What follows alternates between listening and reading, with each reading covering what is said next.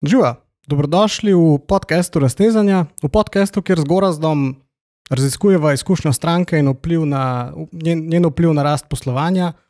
Tako zanimajo nas taktike, filozofije, pristopi, kaj lahko naredimo, da, da izboljšujemo izkušnjo strank, jasno pa pri tem, vsaj zaradi scalinga, rabimo vedno neko tehnologijo. Za prvo temo sva zbrala področje retention marketinga, torej marketinga zadrževanja strank.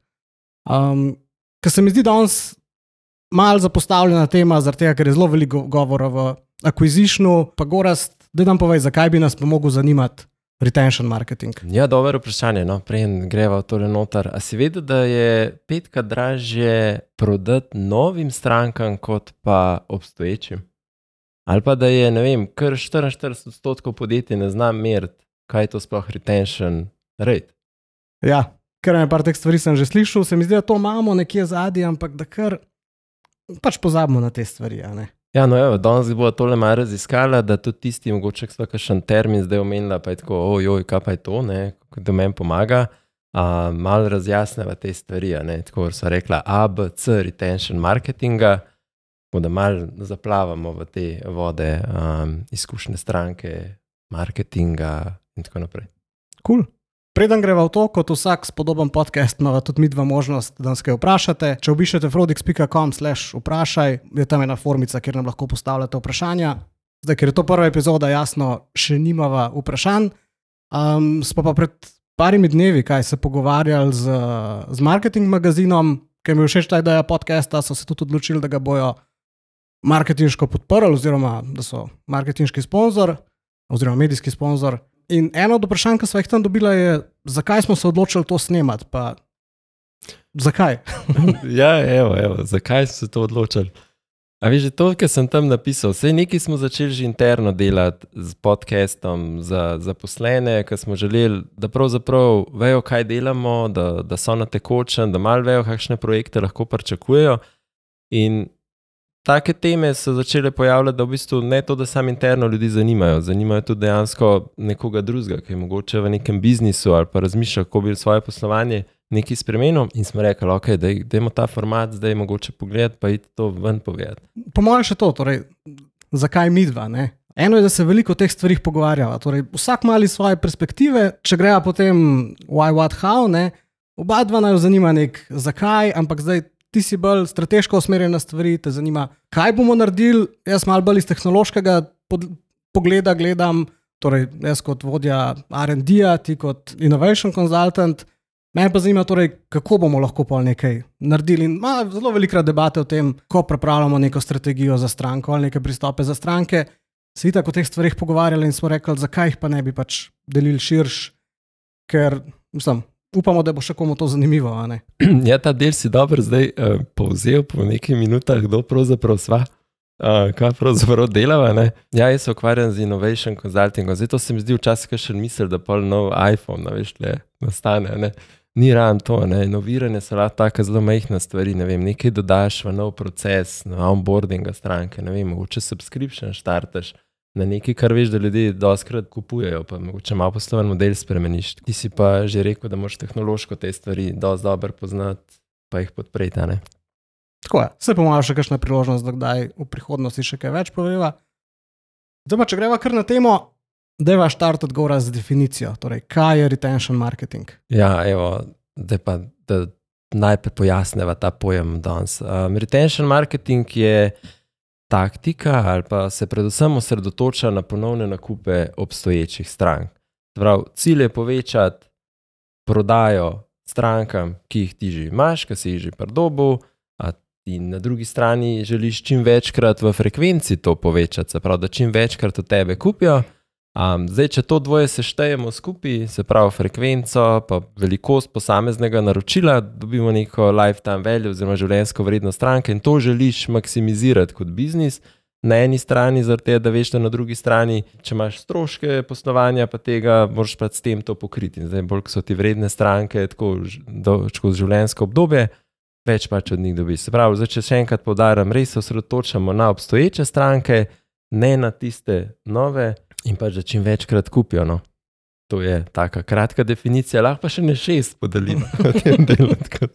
Ne, ampak ja, hitro pridemo torej do nekih metrik, ki jih moramo spremljati, da vemo, če smo uspešni ali nismo. ne. Zdaj, na začetku sem omenil, trenutno, ali pa ne trenutno, že nekaj let je vas hype na acquisition marketingu, na performance marketingu, tega se res veliko dela. Lahko greva tudi v to, zakaj, ampak mogoče zdaj čist razlika. Torej, kaj je razlika med acquisitionom in med retentionom? Ja, zdaj, če si predstavljaš, da je to nek tak lijak, ne, kjer na začetku strank res ne poznaš, so anonimne in te prve pridobiš. Ali to greš vem, na meta oglašvati, ali oglašuješ na Googlu, ali imaš neke druge ne vem, offline aktivnosti, to je akvizicija. Se pravi, tiste anonimne si pridobil. Zdaj, ali pa od anonimnih spraviš v kontakt, ko si pobral od njih nek mail, pa jih znaš bolj nagovoriti. Stranka bi neka stranka, se pravi, retention del bi postal takrat, ko jo že zelo dobro poznaš, mogoče še ni naredila nakupa, pa imamo neke taktike, ki se tam vmes zgodijo, ampak v osnovi bi pač retention delal potem, ko je stranka upravila nakup, um, akvizicija pa vse ta del prej. ne. In tam običajno, a ne v tem performance delu, ključno vlogo igra, koliko imaš recimo dobre kreative, koliko znaš, um, ne vem, obvladaš neko platformo oglaševalsko in ne na zadnje, na koncu, kakšen budžet si lahko ne. Uh -huh. Torej, če rečemo zelo tako, če mehko rečemo, retention lahko delaš tudi že sam, da si izbral GDPR soglasje ali pa neko soglasje, da lahko browser push notifications pošiljaš. Torej, ko nekdo še ni čist stranka, ampak je že prišel na. Ko rečemo na tvoje dvorišče, in ti potem začneš usmerjati komunikacijo, ki se dogaja, ali pa da ga popikslaš, pa mori targeting začneš kazati. Ampak čist tista, ta prava, mislim, ta, prava, ta pravi pomen je pa od takrat, ko je nekdo naredil prvi nakup. Ne? Tako je. Tako. Okay, kar je meni zanimivo pri tem, torej, če rečemo acquisition versus retention, res se bo trudila slovensko govoriti, ampak en del izrazov je, mislim, jih stalno uporabljamo v angleščini, ampak po mojem bo to eden najnih ciljev tudi za ta podcast, da probava nek slovarček narediti, pa ga potem nek objaviti. Ja, se hoče reči, da ta, ta epizoda pride enkrat vmes, slovar. Um, okay, ampak ne, kar sem mislil reči, zanimive so mi pač neke industrije, kjer se, ali pa neka podjetja, ki se zavestno odločijo, da v resnici bojo gradila izključno na, na retenčnu, torej na zadržanju stranke, kjer mogoče, za, mogoče je acquisition cost celo večji, torej naredijo prodajo z minusom, ampak na račun retenčna potem pripeljejo noter ali pa začnejo delati dejanski dobiček. ne. Pač en tipičen primer tega so subscription servisi, kjer jasno ti s, prvi, s prvo naročnino, ki jo plačaš, definitivno ne pokriješ stroška pridobitve nove stranke, kot se je vložil v marketing. Tam celo statistike govorijo o tem, da tam nekje prvih 8 do 12, celo mogoče do 14 mesecev naročnine šele pokrive, pokrije stroške, ki, si jih imel s pridobitvijo ene stranke. Drug tak področje se mi zdijo pa igralne konzole. Ne? Torej, za PlayStation pa Xbox, Nintendo mečkan ne igrate igre, ne? ampak za, njih, za PlayStation pa Xbox je pa dosti jasno. Vsaj na začetku prodajata konzole z minusom, ampak potem pa s prodajo iger, kjer je pač 30% ali kakršen koli delež od prodaje njihov, pa dejansko potem naredijo dobiček na, na igralcu, na uporabniku, oziroma pa Microsoftu tudi z Game Passom. Ne. Tako da to mi je ful zanimiv pristop, da lahko ti rečeš. Ja, pridobil bom stranko z minusom, ampak potem bomo pa res uložili v to. Da... Jaz si mogoče to, kar si zdaj omenil, je, ok, ljudje si hitro predstavljajo ta za, za subscription del, um, zakaj je to zanimivo. Ampak se, če pol naprej malo razloživa to dinamiko, ki se ustvarja dodana vrednost retention marketinga, pa pol ugotoviš, da tudi tam ne si pa je mogoče, če lifetime value povečuješ, pa rečeš, da je ta strošek pridobivanja stranka ali CAC po angliško, ne želiš ta del um, povečevati, se pravi razmerje, se pravi, recimo, ne vem, želiš ena med, da si dal za stranko, pa tri, da si pa na koncu lifetime value naredil. Ne? To je čisti, ne vem, tvoj net profit. No, ok, moramo še kaj odšteti, ne, ne bo še finančnik tukaj zdaj. Uh, ampak tukaj maksimiziraš stvari, no. je pa najbolj seveda očitno to pri teh subscription servisih. Ko. Ja, tako je. Ja. Itak, vedno je pa treba meriti, pa vedno, nikoli ni enostavno meriti stvari. Um, ok, pa pa pa zdaj na ključne elemente retention marketinga. Pa da je pa provat biti čim bolj konkretna. Ne vem, si dava ene primerčke, ki bojo vsi razumeli. Torej, mogoče nek e-commerce, hotelirstvo, tam smo vsi že imeli izkušnje. Deva kakšen primer, torej, kaj lahko neka spletna trgovina počne, torej, kaj so njihove retention marketing taktike. Ok, danes, ko sem rekla, da res delava ta ABC, bo šla um, mogoče te, ki bo še rekel, ja, pa se to so najbolj očitne. Ne? Ampak da najbolj razloživa nek ta koncept. Vsem tema dvema industrijama, in e-commerce in hotelirstvu, če to dvoje vzameva za en tak primer, je prva točka je to, da začneš zbirati neke podatke. In zdaj te podatke ti povejo nek življenjski cikl ali ti podpirajo življenjski cikl neke stranke. Se pravi, veš, kaj se z njo dogaja, ne vem, kaj je ona kupila, kaj je gledala, vse te podatke si nekako zbiraš. In zdaj, če veš, kakšen je življenjski cikl, kaj so neke aktivnosti, ki jih počne, mogoče znaš nastaviti tudi neke pogoje, kdaj boš kakšno zadevo sprožil. Ne? To bi bila recimo primer neke trigger-based kampanje, ki bi se potem zgodila. In zdaj, če greva vem, na tak en primer. Mm, recimo pa vzema za e-commerce, da prodajaš robotske sesalce, da si recimo, da ne bova zdaj kakšnega brenda omenila, da si en brand direkten, se pravi, nisi Big Bang, ki recimo um, preprodaja to. Um, zdaj, dobo si uporabnika, to je prvo un del, mogoče si ga zmotiviral z neko vsebino, da je prenesel nek vodič, a je njegovo stanovanje primerno za robotskega sesalca, in kakšen tip robotskega sesalca bi rabil. In vse tam, to so bili vse neki taki mali momenti, ki si od uporabnika lahko pobral nekaj podatkov, se pravi, ne vem, o kvadraturi, kje živi, se pravi, da znosi to neko demografijo izoblikovati, to si shranil njegov profil, potem si ga mogoče sprašal še, da mi ok, e-mail pa neko soglasje. Na senci ga mogoče vprašal še po telefonu, si tako zbiral si počasi te uh, podatke, in na drugi strani si vedel, kakšen model mu moraš pa tudi promovirati. Se pravi, recimo nekdo nekaj išče, gre zdaj v primerjalnik, išče dva sesalca, nekako podobna, se ne odloči za nakup. Evo, in tukaj, da imamo že prvo taktiko, je um, recimo um, abandoned browse. Se pravi, je zapustil tvojo spletno stran, na ceni zgodil. In zdaj ta abandoned browse lahko um, pomeni, če smo v omnichannel svetu, ne, to, kar danes želiš biti, si dal na glas tudi ta sesalec, ki ga zdaj priporočaš po neki tvoji analizi za tega tipa kupca, ne? in ga spodbujaš, le, evo, da je nekaj zdaj kup, mogoče mu pošleš mail, mogoče si mu postavil še tako malo bolj agresiven SMS. Agresiven v tem smislu, da mislim, da je ok, le zamaš pa ne vem, 24 ur, pa lahko izkoristiš še neko promo kodo za ne vem, dodatke um, za ta sestavc, potem naprej ali pa mu še celo neko dodatno garancijo ponudiš, če se odločiš za um, nakup. In... Kratka, mogoče to, kar sem prej rekla. Torej, mehko lahko rečeš, da retention se začne že prej nekdo stranka in to je, to je po mojem idealen primer tega, kjer je to res smiselno začeti prej, torej tam, kjer je nakup, nakupni proces daljši, tam, kjer bo nekdo razmišljal, kjer imaš torej dejansko pred nakupom možnost zbrati neke podatke. Ne? Ker ja, pač robotski sesalnik stane ne, 500 plus evrov. Malo študiraš, ok, kater model, koliko ima veliko stanovanje, kakšna imam tla, kaj vse potrebujem, in vse mečkam poglobiš v tak nakup. Um, ja, mislim, definitivno. So pač neki e-commerce tudi zelo impulzivni, ne? tam boš pa mogoče želel to impulzivnost pol spodbujati, da nekdo še enkrat kup, ko boš rekel, ok, tukaj je velika košarca, sve daljši cikl. Um, Tako, jaz... Tam si še lepo zbral neke podatke, kaj je nekdo kupil, um, da lahko sploh začneš neko.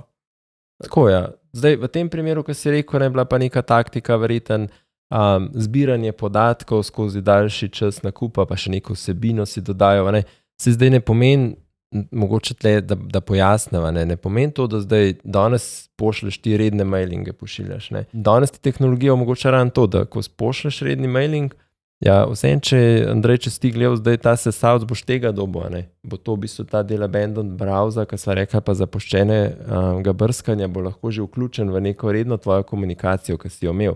To ne pomeni, da bomo mogli imeti pa še ne vem, sedem drugih stvari. Uh, tako da ta del je zelo pomemben, da vemo, da ga lahko zelo vključiš v stvari. Zdaj, če gremo malo naprej od tega um, robotskega sesalca. Zdaj, robotski sesalci, večina jih ima tudi nek app in neke stvari sledijo. Uh mhm. -huh. Tukaj so zelo, rečemo, invazivni v tvojem prostoru, z liderjem, vejo vse o tebi in zdaj s kamerami še več. Ampak eh, konec koncev vse vejo, koliko si recimo zaštartov.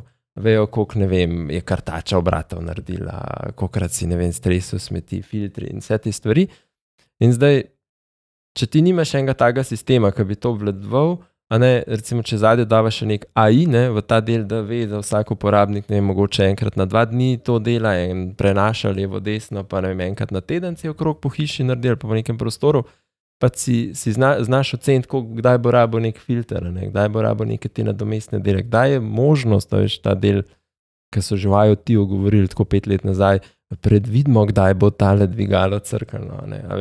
Tukaj je pa ta del, da predvidiš, da on bo rabo nekaj kupiti in mu začneš to neko komunikacijo. Ne, kupite servis, um, ne vem, podaljšajte garancijo, pa še daš mi mogoče veš neke take.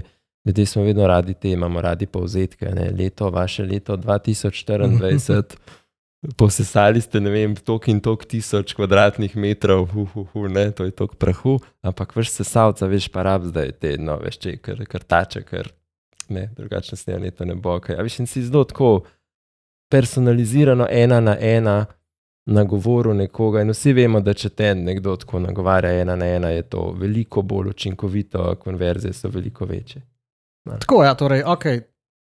V osnovi ti lahko rečeš, poprečen uporabnik porab tisto krtačko, ki se na robu vrti v enem letu, pa to, kar avtomatiziraš od nakupa.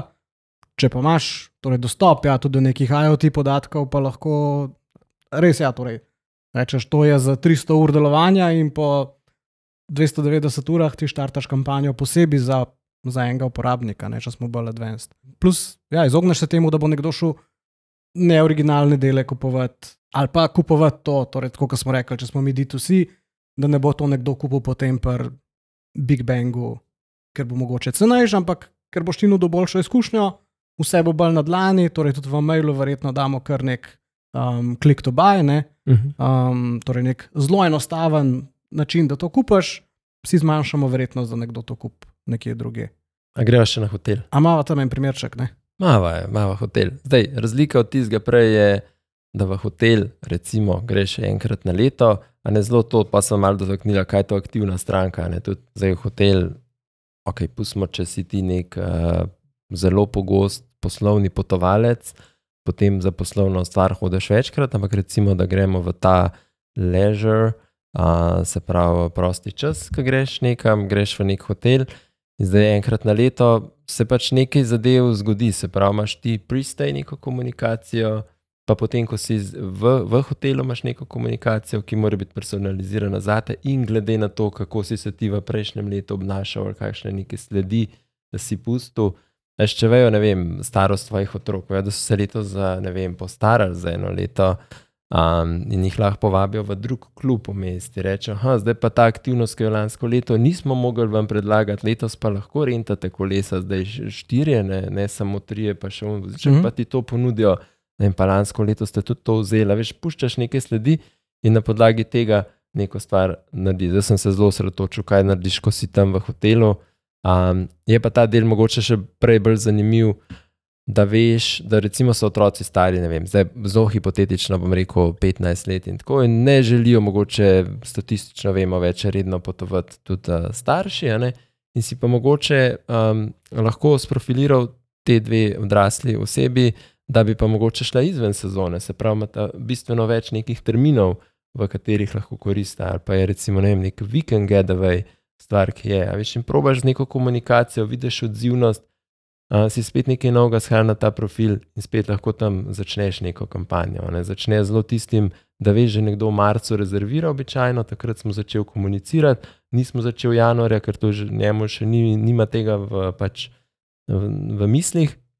In začneš marca z neko komunikacijo, in vidiš, da okay, ni ta pravega odziva, probaš malo zadeve obrniti naokrog. Zdaj, kar je pa pol dobro v postaju narediti, recimo pa taki, zdaj pa vedno želiš vedeti, kako je bil nekdo zadovoljen. In zdaj, če nekdo reče, da je to NPS, meriš zelo, zelo, zelo zadovoljen, te, to so te uporabniki, ki jih lahko nadgradiš, oziroma nagradiš s tem, da dajo to svoje priporočilo tudi nekomu drugemu. Vemo, da to največkrat šteje. Ne? Če te nekdo vpraša, jo, kje pa si bil, pa si bil zadovoljen v tistem hotelu. Ja, veš, super je bilo, zajtrk je da best, vse se da zmeniti da veš, ta del želiš digitalizirati, v bistvu narediti kot en tak instrument, ki ga mogoče lahko tudi v tej eh, digitalni omničenal um, dobi pač uporabiš. Tako, zdaj imen ne bova um, brendov, a ne. Ja, razumem. Govoriva čisto iz prakse, iz različnih primerov, um, kjer smo to imeli možnost uh, implementirati, testirati, ampak ja, uh, ne rabimo omenjati brendov. Se mi pa zdi, da ja, to, kar smo sicer začela z torej, komunikacijo med tem, ko ti tam bivaš, dejansko se je hotelo to zgoditi. Torej, da ti prvič prideš tja prek Bookinga in oni do takrat, dokler ti tja ne prideš, nimajo tvojega soglasja, minimalno, minimalen nabor tvojih podatkov imajo, ne morejo niti še komunicirati s tabo v predsezono, pred prihodom. Ampak, če ti dajo dober razlog, da bojo komunicirali s tabo že ob, prvem, ob prvi nastanitvi tam, te potem tudi lahko zberejo nekaj podatkov, te sprofilirajo, ugotovijo, ali si ti par, ali si družina, ali um, si mlad potovalec in, in te začnejo potem tako nagovarjati. Ja, zdaj ta primer, ki si rekel, je zelo sveža zadeva, in jih planiram uh, en city break. Um, in hotel sem rezerviral na Bookingu, ne? in potem sem dobil čez pet ur od tega hotela, imajo nek svoj sistem in ti rečejo, ja, zdaj pa tukaj noter unesi podatke, ne? ker mi smo cashless, ne? Prav um, slovensko, um, brez uh, gotovinsko poslovanje. In tvoja izkušnja bo veliko boljša, pa še vnaprej si lahko parking, pa neke hotele dobiš po boljši ceni. Ne? In te veš iz Bookinga predstavlja v un ti svoj nek sistem. Tako da to tak uh, smart move, ki pravzaprav izkoriščajo kar Booking dot komunikacijo, ampak verjetno Booking ne mod, ker tako pobere provizijo. Pa verjetno delajo to mečkan pod radarjem. Ja, kar se mi zdi le še pomembno, kar si govoril, je to, da v bistvu, ja, sem, imela so veliko primerov, kako to zdaj neko komunikacijo po mailu delati, umela sva SMS. Ampak tle, ja, pri hotelu se ti pa hitro začnejo širiti komunikacijski kanali. Ko je nekdo pri tebi, e-mail, skoraj sigurno ni pravi kanal za komunikacijo. Takrat gremo na, na WhatsApp, na Viber, um, na push notification, če imamo aplikacijo. Jasno pa je, ja, na retention vpliva en kup stvari. Vem, družabno mreže aktivirati, zgraditi nek community, mer zadovoljstvo. Skratka, veliko velik kanalov je lahko vključenih v nek tak personaliziran, um, personaliziran retention. Da je vajit namerjanje učinkovitosti. Torej, kaj bi rekel, da je tle pomembno? A gremo najprej na to, kako se retention naredi zmer, kar smo prej razlagali, kako se retention meri. Tako, ja, tak, definicija. Dobro, evo. Um, da, bo, da bo lažje zaračunati, um, kaj je to retention rate, tako da vemo, meri se v odstotkih.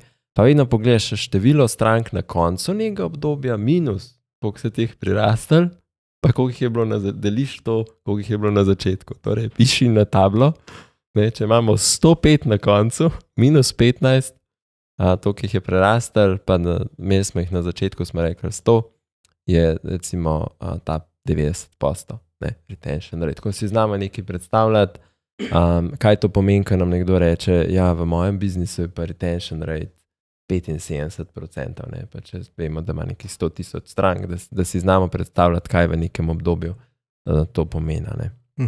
Um, zdaj, um, drugi del, kar si pa rekel, ne, pa vprašal, um, kako merimo neko učinkovitost. Mislim, da je kar kompleksno, kako na koncu vse to zmeriš, ker moraš vedeti, koliko je bil strošek na neko stranko, ki si jo vzdržal dolgo časa. Ne? Ker um, ta del je zelo pomemben, da veš, koliko si imel več prihodkov iz naslova obstoječih strank, znotraj segment nekih obstoječih strank, kakšen je recimo čas preživetja te stranke s tabo uh, skozi čas, ne? se pravi, spet teh, ki so retention, sprav, več stvari vpliva na to, če smo prej rekli, kaj vse vpliva na življenjsko vrednost stranke, se je to tudi ena izmed metrik, ki jo na koncu konca meriš. Evo to, nekako s tem začneš, pa je pa tako, taka drevesna struktura, pa lahko pride do nekih posameznih strategij, taktik in kampanj, ki na koncu konca meriš, kaj so naredili. Ja, štartala sva z uh, življenjsko vrednostjo stranke, torej lifetime value. Uh mhm. -huh. Ampak ja, mislim, tako kot z vsakim reportingom, stvari ratajo kompleksne, nekaj stvari treba definirati. Se mi zdi, da vedno se ustavimo na tem, kaj pa za nas aktivna stranka. Torej, ja, če imaš ti subscription, točno veš, ko je nekdo prekinil subscription, takrat ni več stranka, takrat tudi rečeš, to je za nas črn, torej ni več stranka. Zdaj pa nekam ja, prodaji robotskih sesalcev. Če ti veš, kako pogosto mora nekdo kupovati nadomestno opremo, kdaj rečemo, da je nekdo še aktivna stranka, kdaj ni več. Ali pa pri hotelu, ki ga obiščeš enkrat na leto. Um, čist druga zgodba kot pri vem, enem prodajalcu um, hrane, špecerije, kjer, vem, kjer si aktivna stranka, če si enkrat na teden tam, če si mhm. manj kot na 14 dni tam, definitivno nisi več tretiran kot aktivna stranka. Tako da se mi zdi, da s temi se vedno lovimo. Torej, nekaj te mehke stvari zdefinirati, kar se je največkrat celotno tega tako, da pač pogledamo zgodovin, zgodovinske podatke. Če znamo meriti ponavljajoče nakupe in ugotovimo neke statistike iz tam, pa si pa malo odločimo, da si jih bomo večkrat ali sprostili, ali pa večkrat zategnili uh, in naredili malo strožje. Uh, ampak, ja, tako kot z vsakim reportingom, stvari se lahko, se lahko res zakomplicirajo. Um, tako kot si pa rekel, zdaj kako stroške meriti. Um, spet stroške ene kampanje ali pa um, pridobitve stranke je nekako lažje izmeriti, kot potem, um, kaj gre vse v zadržanje. Ne? Pa sploh to potem vezati na kampanje. Ja, pa vsak biznis, veš, vsak uh, biznis ima malo po svoje to razdeljeno. Vse so neki standardni stvari, sam pa nekdo beleži stvari na nek način, nekdo pa to razdeli na vse, nekdo reče, da to je tako naš marketinški kost na celotno bazo. Veš, pa imaš le malo. Moraš uh, izoblikovati neke dashboarde, ki so temu namenjeni, iz pač vsaka industrija ima pač svoje podatke, svoj, če smo prej rekli, life cycle ima vsaka drugačen, vsaka ve, kdaj drug, uh, aktivna stranka, koliko časa aktivna je, in pa potem meriš in tudi temu prilagajaš pa neke aktivnosti naprej. Ne. Ampak druga stvar, ki je pa skupna še, ali pa ki je fulj pomembna pri retention marketingu, je pa personalizacija. Malce že začela s tem, ampak da je torej obogatiti te najne primere zdaj. Kako lahko nekaj personaliziramo, Zdaj, če smo prej bila pri sesalcih, ne veš, kater model nekdo ima, veš, koliko časa vem, bo ta sesalc relativno delal, koliko časa moš neke zadeve za, um, zamenjati. Um, tudi, kje dodatke so, in zdaj, recimo, da to podjetje razvija, pa neke nove dodatke daje, ali pa neke nove zadeve, pač tebi mora komunicirati s temi zadevami, se pravi, tudi z nekim kontentom, če s tabo komunicira. V, recimo, ne vem, želi, da se ti dobro počutiš v svojem domu in to, veš, sej ti kupaš sesalc, pa bi bilo tako neroden, da ti komunicira enkrat na mesec, koliko si posesal, pa koliko. Veš, nek mišljen mora biti pa malo druga, ne mogoče. Povejo, da koliko je pomemben, kad ti se salce vsak dan posesa, zato ker je potem boljši zrak, ne vem, pretep, ker stok prahu ne nabira. Veš, se pravi, tebi prilagodi komunikacijo in ti zraven reče, ok, zdaj pa to so te tvoje um, novi neki filtri, ki jih moraš kupiti. Ampak te, ki jih ti rabiš, takrat, ko jih ti rabiš, ne to bi bila zdaj personalizirana uh, komunikacija v tem e-commerce segmentu. Vse, če ne vem, mogoče gremo na en tak bolj lahek primer, prodajaš oblačila, ne, pa si zdaj kupil vem, toliko in toliko majic te velikosti, pa čevlje te velikosti, in zdaj si mi poslal, da imaš v akciji ful stvari, nekega stila, ki je meni sicer ljub, in zdaj mi ti pošleš vse um, super stvari, kar meni všeč, ampak nobena ni moje številke, ja, pol nisi jih eh, zadeval. Če pa ti rečeš, da to je ta nabor, je manjši, ampak res so to tvoje številke, ki jih imamo zdaj na zalogi. Bom pa jaz vedel, da okay, to so za me te številke, to jaz ponavadi naročam, te brendi so mi ljubi, a je še ne veliko večja od, odzivnost na to. Pri hotelu pa kar povej, kaj si nekaj hotel povedati. ne samo to, kar si našteval, se mi zdi ful velik dela. v smislu, če rečemo pri sesalcih, tam prva stvar, ki jo lahko narediš, da personaliziraš, je, da ko nekdo kup vsaj nekaj časa, ne govoriš več o sesalcih, govoriš o dodatni upremi, o uporabi, ker eh, največ, kar lahko narediš, je to, da nekomu rečeš, da je pa ti sesalc, ki si ga kupil, znižan ali pa un. En nivo višji, ki si ga tudi gledal, pa zdaj isto ceno kot ta, ki si ga ti kupil. To se mi zdi enostavno posegmentirati. Ne? Zdaj, ko sem pa začela govoriti o oblekah, pa v stilu, pa v velikostih, um, a ne pa kar nekaj podatkov moraš vzdrževati, da to funkcionira. No? Ja. ja, mislim. Sej, a veš, rabiš te podatke nekje dobiti, ni zdaj to kar tako, bo samo po sebi umevno. Mogoče, a veš, lahko ti iz tega tehnološkega vidika malo razložiš zdaj tej najni javnosti, kako se pa loti tega izziva. Ne? No, zato sem hotel reči, marsikaj se da narediti čist segmentacijo, ne? pa je, pa je velikrat to good enough ali pa je to čist dober prvi korak. Ampak ja, danes v svetu umetne inteligence nam pa ravno to lahko tudi umetna inteligenca pomaga. Torej, ugotavlja, kater stil je te pošeč, katere, kaj so tiste velikosti. Seveda moramo imeti te podatke, moramo imeti pa tudi to shranjeno in v vem, produktnem katalogu, in pri nakupih, moramo vse to detaljno imeti. Ampak AI zna to zdaj skozi bolj razumeti. Tudi par stvari smo delali, kjer smo stil ugotavljali na podlagi slik tega, kaj si ti kupoval, kar se pri pri oblačilih res da, zdaj pri ne vem, prehranskih dopolnilih, s slikami nimaš kaj početi, pri oblačilih pa lahko ugotoviš. Um, torej, tle ima Emarsis, torej eden od sistemov, s katerim mi delamo, ravno je zanimiv, kaj je stadi narejen, kako, kako je recommendation model uspel na podlagi slik izdelka prepoznati kavbojke z nekim specifičnim eh, šivom gor, čeprav od drugega brenda, ki je bil, ki je na koncu bil, bil kupljen. Ne? Pa en kup takih primerčkov. Tako da eh, nam lahko res ful pomaga to skalati in pripeljati na tisti nivo. Na tisti nivo izkušnje, ki ga imaš lahko v fizični trgovini, kot ti pač prodajalka reče, hej, še tole probi, kjer ve tvoja velikost, ve, ne vem, kako si se odzval na zadnje dve stvari, ki si jih probil v, um, v kabini. Medtem, če delamo to online, ma- imamo to prednost, da vemo, kaj vse si že do zdaj kupil. Torej, ne samo, kaj, si, kaj imaš trenutno v košarci, kaj si gledal v zadnjem sešnu, ampak tudi, kaj si tri mesece nazaj uh, kupil, pa kaj si pol leta nazaj kupil. Tako da podatkov je definitivno več za obdelati. A pol so ne vem, kakšni izzivi pri tem, veš, ko greš v, se, zdaj, zdaj se podjetje odloči, pa reče, um, zdaj bi pa jaz rad nekaj naredil na retention marketingu. Ne vem, kako zgleda tak projekt, kje se to lota, ali uno, oh, ne, ne bomo, bomo mi kar po svoje z Excelom segmentirali, gudena. Ja, izzivi definitivno so. Ne? Torej, eno smo rekli, ja, rabaš podatke, rabaš jih zbirati, rabaš jih zbirati na način, da so povezani. Torej, ker zelo velikrat imamo podatke, torej, mi vemo, kaj točno je bilo kupljeno, imamo nek seznam ljudi, ki so na, na newsletteru, recimo, torej imamo neka soglasja, ampak to nimamo nič povezano.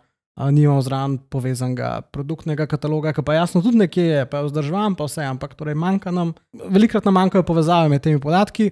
Druga stvar, ki je tudi velikrat izziv, je, da imamo te podatke samo za spletno trgovino. Pa zdaj, če smo nek tak, rečemo, malo večji trgovec, smo ponavadi torej brick and click, torej imamo fizične trgovine, kjer naredimo 80%, 70% vsega prometa, kjer pa zdaj, če nimamo programa zvestobe, nič ne vemo, kaj se dogaja.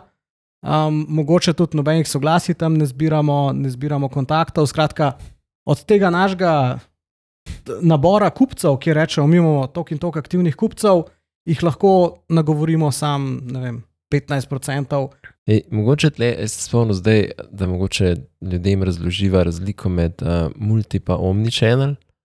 Um, Ker si rekel, veš, imaš sisteme v koru, imaš eno stranko, imaš Janeza Novaka, pol imaš v loyalty sistemu, imaš spet Janeza Novaka in pa še v recimo reče o supportu, imaš tudi Janeza Novaka. Mogoče sam da razložiš, um, kaj je razlika, da je ta multichannel, ni omnichannel. Ja, to se nam zgodi. Torej, na eni strani imamo že podatke razdrobljene, pa recimo tudi, ko podatke spravimo na kup, to naredimo ne, v nekem sistemu, ki zna pošiljati maile in znamo tukaj pol ful boljš personalizirati. Pa se pa zgodi, da SMS-e pa pošiljamo prek nekega ločenega urodja, kjer teh podatkov ni noter. Torej, lahko spet spravimo noter samo tako, da jih importamo z nekim, mislim, naredimo nek ročni voz. Potem sicer imamo aplikacijo, ampak push notification pošiljamo kar direktno iz Firebase, kot so nam pač developerji naštimali, kjer spet nimamo podatkov, oziroma Firebase ne da podatke do vem, verzije, do, do modela, do, do nekih osnovnih stvari, ampak nič pa ne vemo o obnašanju uporabnikov v, v sistemu.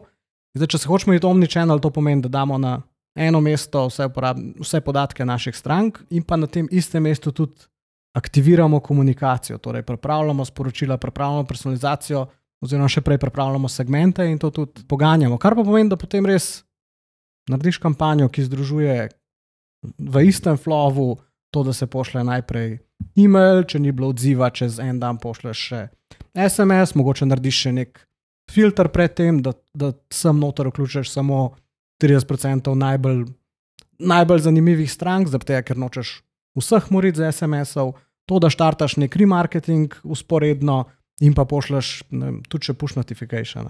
To si zdaj predstavljam, da tako dela cela vojska v marketingu ljudi? Ali? Pri multichannel se mi zdi, da, da res rabiš neko vojsko, da bi nekaj tazga poganjala. Sploh en kup ljudi, ki segmentira, pa uvaža, pa izvaža. Jasno, omnichannel orodja ti pa omogočajo to, da seveda odvisno od števila kampanj, pa tega, ampak da lahko ena oseba marsikaj sama naredi. No? Torej, upravlja customer journey, se tapira, se tapira message kampanje, ker se potem ukvarja dejansko z vsebino, z logiko, ne pa z, z tem, v katerem sistemu je kaj, pa s tehnikalijami. Ne? Se mi zdi, da, da tle zdaj mora sam dodati ta del, da, um, da se ne bo kdo diskvalificiral v smislu, v tem smislu, jaz sem pa premajhen, moj biznis pa ni za to. Ne? Ali pa ne vem, e-commerce laufam na neki rešitvi, določeni, pa to velja samo za ene, ali pa niti nimam offline prodaje, imam samo eno showcase trgovino um, v večjih državah. Sem. A pol bi rekel, da je to samo za te, te ogromne, ogromne enterprise stranke ali je to tudi za, recimo, vem, manjše stranke z tega lahko?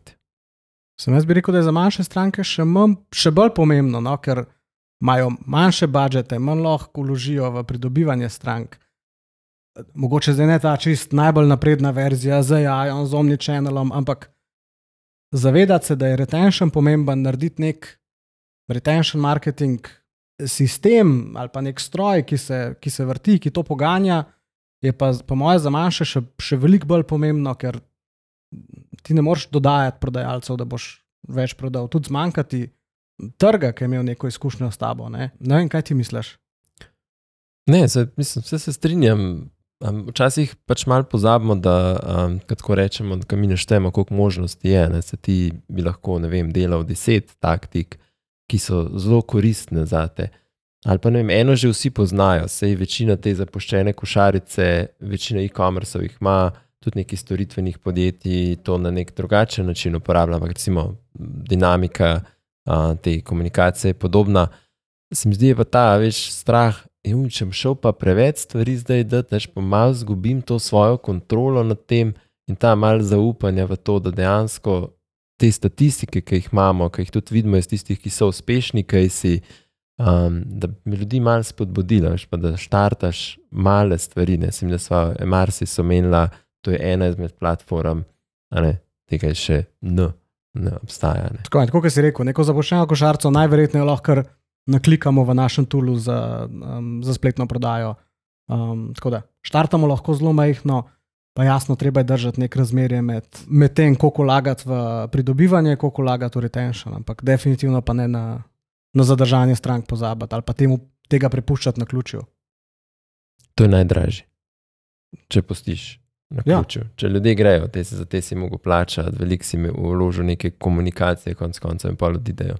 Ja, zdaj, če imate pa mogoče še vi kakšno vprašanje, še enkrat res um, na frodex.com slash črtica po strani vprašaj, um, ne vas ne bo sram, kar ko lahko vprašate, Um, tako da bova probala biti čim bolj konkretna pri odgovorih, tudi če danes kaj nisva dobro pojasnila, kar vprašate.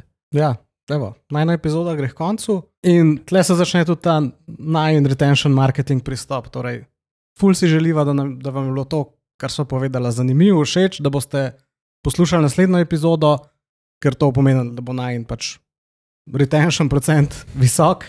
Tako da ja. Dajte nam oceno v podcast aplikaciji, dajte nam kakšno vprašanje, drugač pa res hvala za poslušanje. No. Ja. Hvala tebi, Gorast. Ja, hvala tebi, Andrej, za vprašanje, pa za vse te modrosti, pa hvala vsakmu, ki je poslušal. Čau. Čau.